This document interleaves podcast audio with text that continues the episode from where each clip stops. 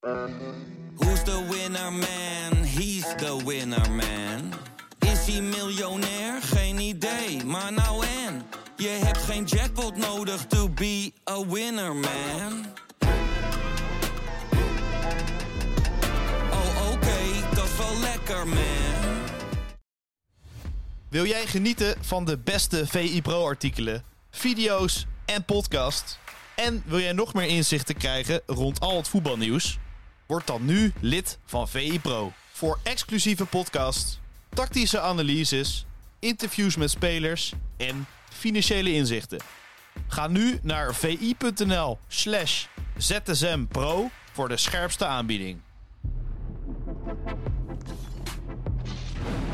Vrijdag 16 juni, de Nations League eh, finale is eh, bekend. En de tegenstander van eh, Oranje is bekend. Goedemorgen, Dave Albers. Goedemorgen. Ja, we hebben naar de Nations League gekeken. Het, veel mensen noemen het veredeld oefenvoetbal. En misschien, ja, de laatste twee wedstrijden die we gezien hebben, is dat ook een beetje een feit. Ja, qua, qua sfeer bij Oranje was het dan, leek het wel op een echt, eh, echt eindtoernooi zowat door die Kroaten. Maar eh, gisteren Voetbal. was dat een beetje uh, moi bij eh, Italië, Spanje.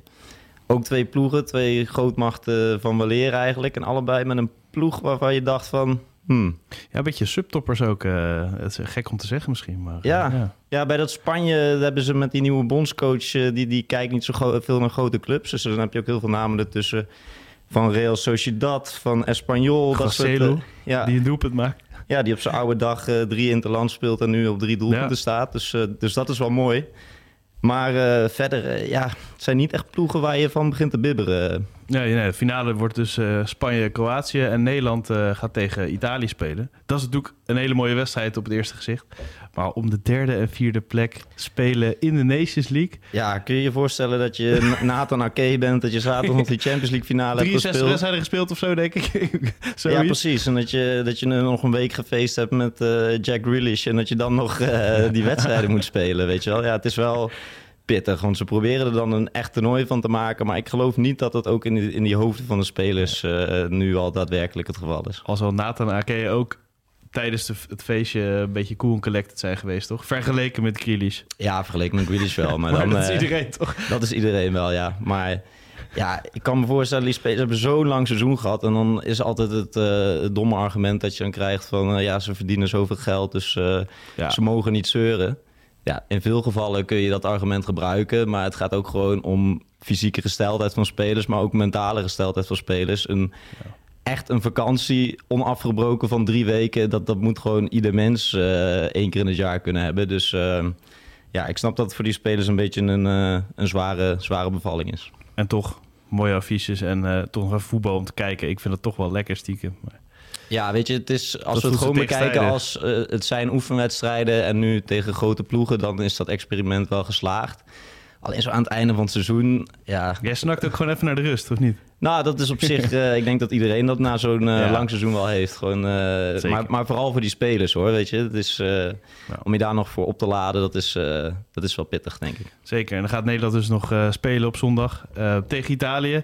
En dan wordt er in Irak gejuicht voor Nederland, hè? Want eh, je hebt een mooie VE Pro-artikel eh, geschreven daarover. Ja, ja, ja. Dat was, eh, ik kreeg een tip vanuit de ambassade in Bagdad. Daar was een Nederlandse man. En die gaf dus de tip van... ja, er is hier een man, die heet Ali Askar... en die is compleet bezeten van het Nederlands elftal. Hij stuurde ook een documentje erbij... wat zelf door die man was opgesteld... met de ene na de andere anekdote... hoe die vroeger stond te juichen voor Wim Kieft en dat soort dingen... Dus eh, dat leek me wel interessant voor een verhaal. Dus ik heb eerst eh, gebeld met die eh, meneer Askar... Ja, mooi op de redactie zei ja, ik ga even bellen met Bagdad. Ja, ja. Was- Maar die, het was, ja, die was echt compleet bezeten geraakt van het Nederlands elftal. 1988 was het begonnen. Toen was hij acht jaar oud. En toen was hij echt... Nou ja, je hebt adoratie, maar hij was echt verliefd geworden op, op Marco van Basten. Dat is voor hem een soort god. De beste spits ooit op de aarde, zei hij. Maar ja, zijn, fanschap gaat heel erg ver. Want hij is zelfs nog een keer, ik geloof in 2015... toen Nederland tegen Turkije speelde... Voor, toen we 3-0 eraf gingen, volgens mij is hij naar Turkije afgereisd om dan eh, ook die wedstrijden te zien, maar ook om dan bij het eh, trainingscomplex van Nederland te komen. Dat is hem toen gelukt via de oranje generaal, die uh, inmiddels overleden, uh, ja, meneer, meneer een herkenbare man in beeld altijd. Ja, Ja. Die, die had hem toen heel erg geholpen om binnen te komen. En daar zag hij voor het eerst eh, Marco van Basten. En eh, toen had hij ook een shirt meegenomen met eh, Marco van Basten, my legend. Can I have a photo with you? Of iets van het, eh, dat, dan zou zijn leven compleet zijn.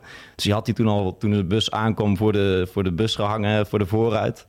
En uiteindelijk eh, kwamen richting de training kwam de technische staf aanlopen. Er zat geloof ik ook Ruud van Nistelrooy bij, die toen eh, assistent was. Toen dacht hij van shit, ja, dat is ook wel een legende. dus had hij even gezegd van Ruud, even snel een selfietje, maar snel weer weg. Want ik zie, eh, ik zie Van Basten aankomen. En toen is Van Basten met hem op de foto gegaan. Nou, en toen heeft hij, heeft hij gehuild van blijdschap. En het is de mooiste, mooiste dag uit zijn leven. Maar het- ik sprak hem dus eh, via FaceTime en hij had ook een eh, oranje shirt aan eh, tijdens het interview. Er stond toen in de hoek van zijn kamer in Bagdad stond er ook een oranje trolleykoffer met, met een sticker Viva Hollandia stond erop. Nog wuppies of niet? Nee, nee, zover ging het niet. Nee, hij had geen klomp op zijn hoofd. Maar hij, hij ging, ehm, hij ging toen twee of drie dagen later zou hij in het vliegtuig stappen. Want een volgende droom kwam uit. Hij zou voor het eerst een wedstrijd van het Nederlands elftal in Nederland gaan kijken. Dus hij is bij eh, Nederland-Kroatië geweest. Ehm, Wel waar voor zijn geld qua goals, maar... eh, ja, maar ik heb hem eh, voor de wedstrijd nog even ontmoet. Want hij vond het leuk om elkaar dan ook in het echt te zien. En hij had het nieuwste shirt van het Nederlands elftal. En ja, hij wilde me per se voor de wedstrijd ontmoeten, want hij had ook een cadeau voor me. En toen had hij wel aandoenlijk had hij een enorme trommel met soort, ja, ik weet niet of je dat kent, een beetje van dat Turkse fruit, wat eigenlijk heel erg... heel- gedroogd. ja, want het Ja, is bijna alleen maar poeder, Ja. zowat. Dus Mhm. eh, ik, ik had zoiets van, ja, dat is niet helemaal eh, handig, denk ik, om mee het stadion in te nemen. Nee. Dus ik heb het even in de auto van een vriend van me gelegd. Maar in ieder geval wel leuk. Hij was bij die wedstrijd geweest en hij beleeft dat ontzettend intens. Want hij, hij vertelde ook dat toen Nederland de WK-finale van 2010 verloor...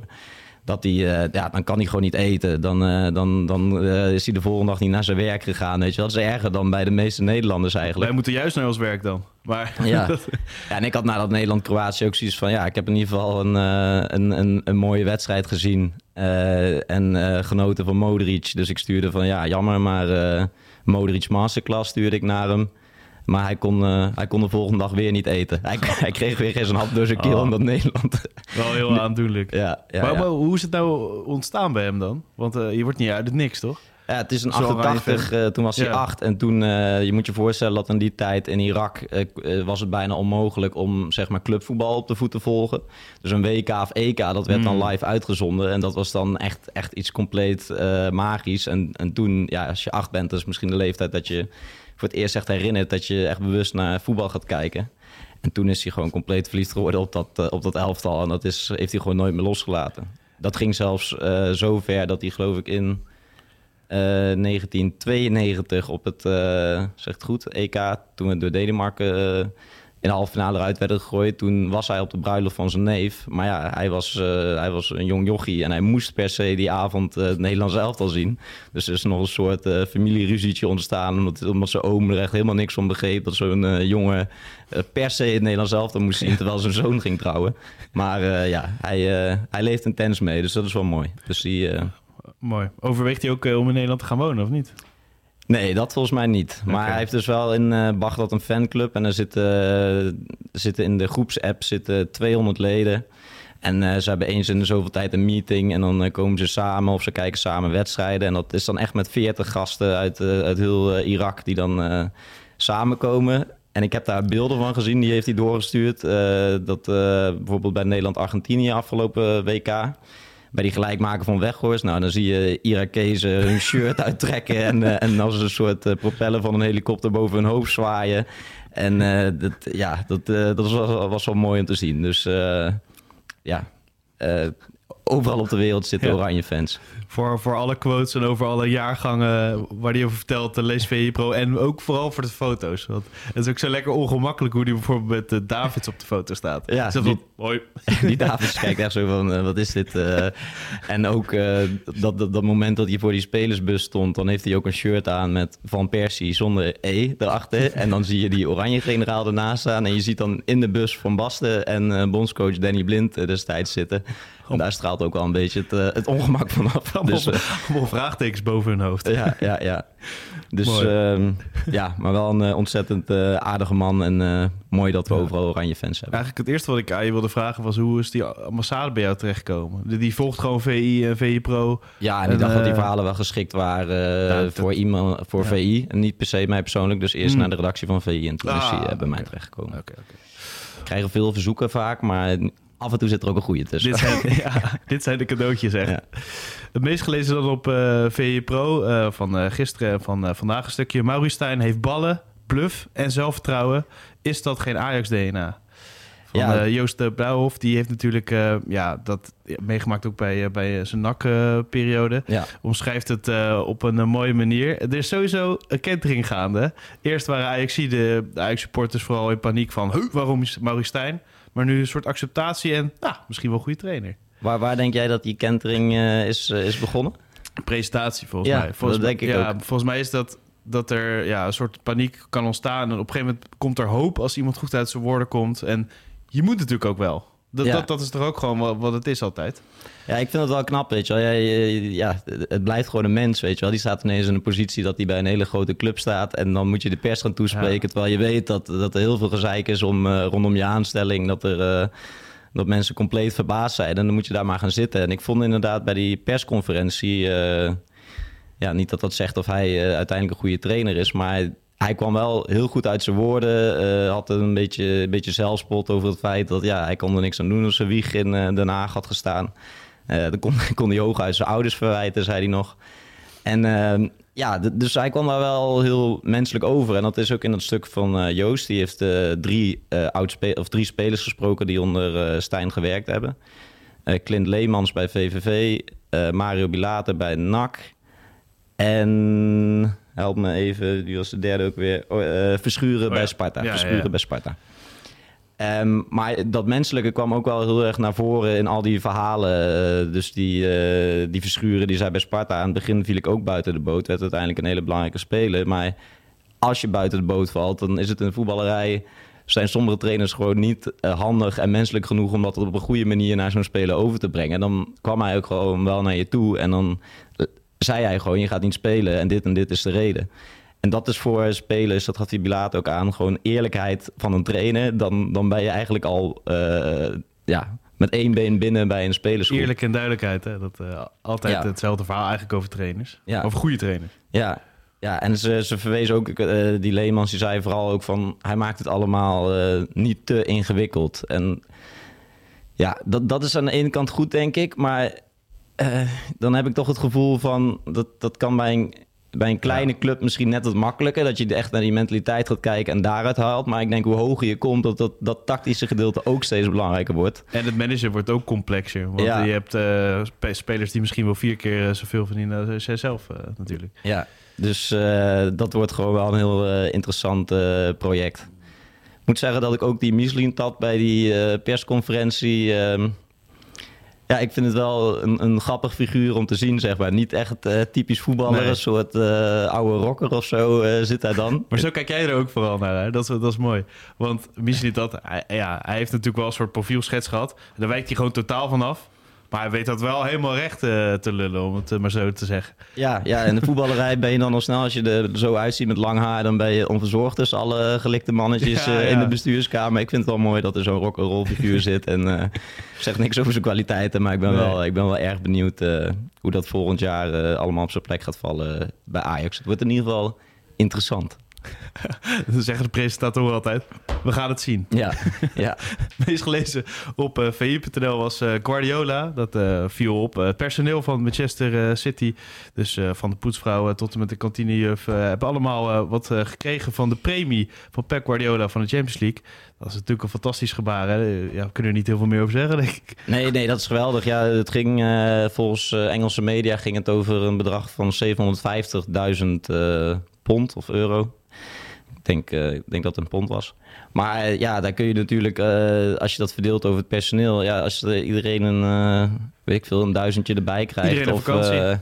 ja, precies, Ja. een vakantiegeld bijdragen Ja. eigenlijk. Dus ja, dat is gewoon. Dat, ja, kijk, je moet ook wel een perspectief zien dat, er, dat het voor die man een vrij klein bedrag is. Want ik, ik zal niet weten, Tuurlijk. wil niet weten wat hij per maand verdient.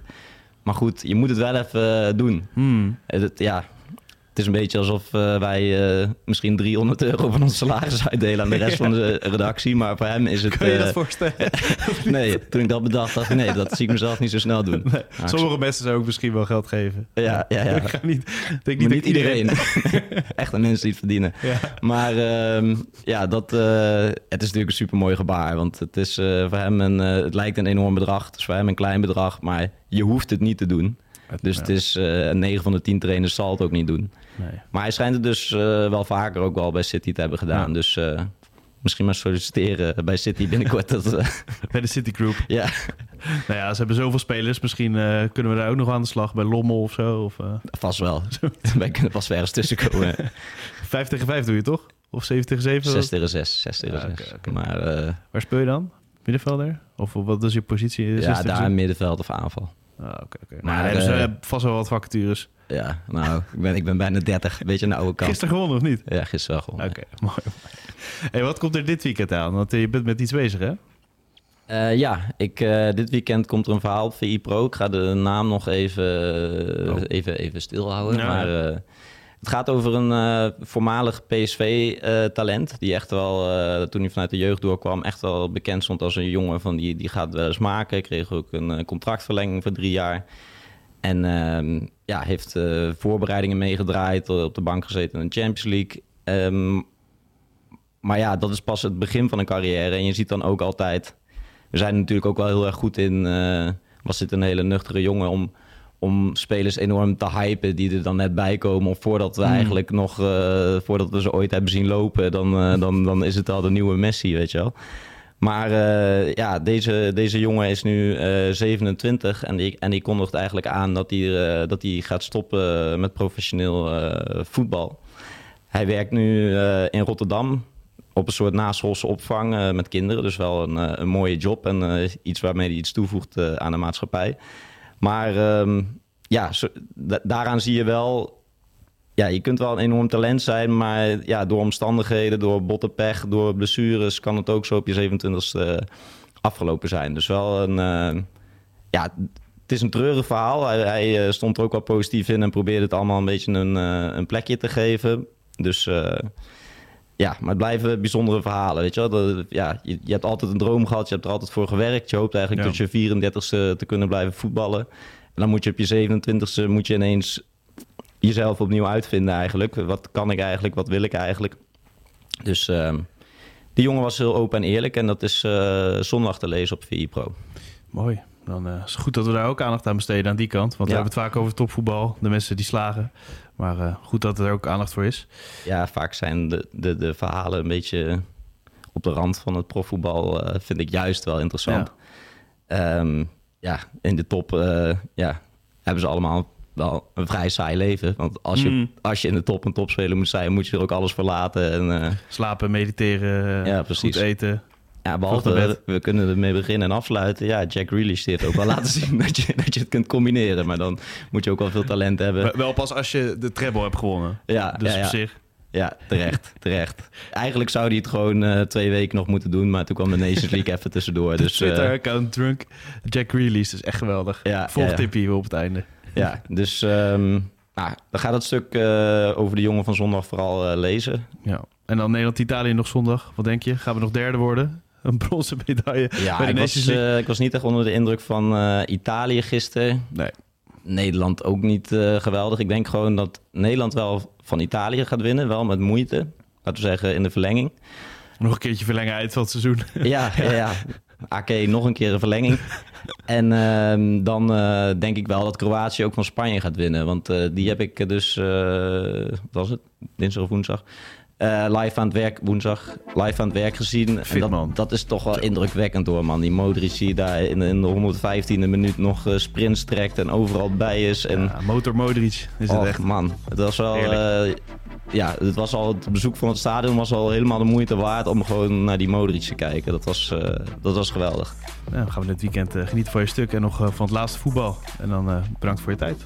Jij ook bedankt. Tot ZSM. Tot ZSM. Wil jij genieten van de beste VI Pro artikelen, video's en podcast? En wil jij nog meer inzichten krijgen rond al het voetbalnieuws?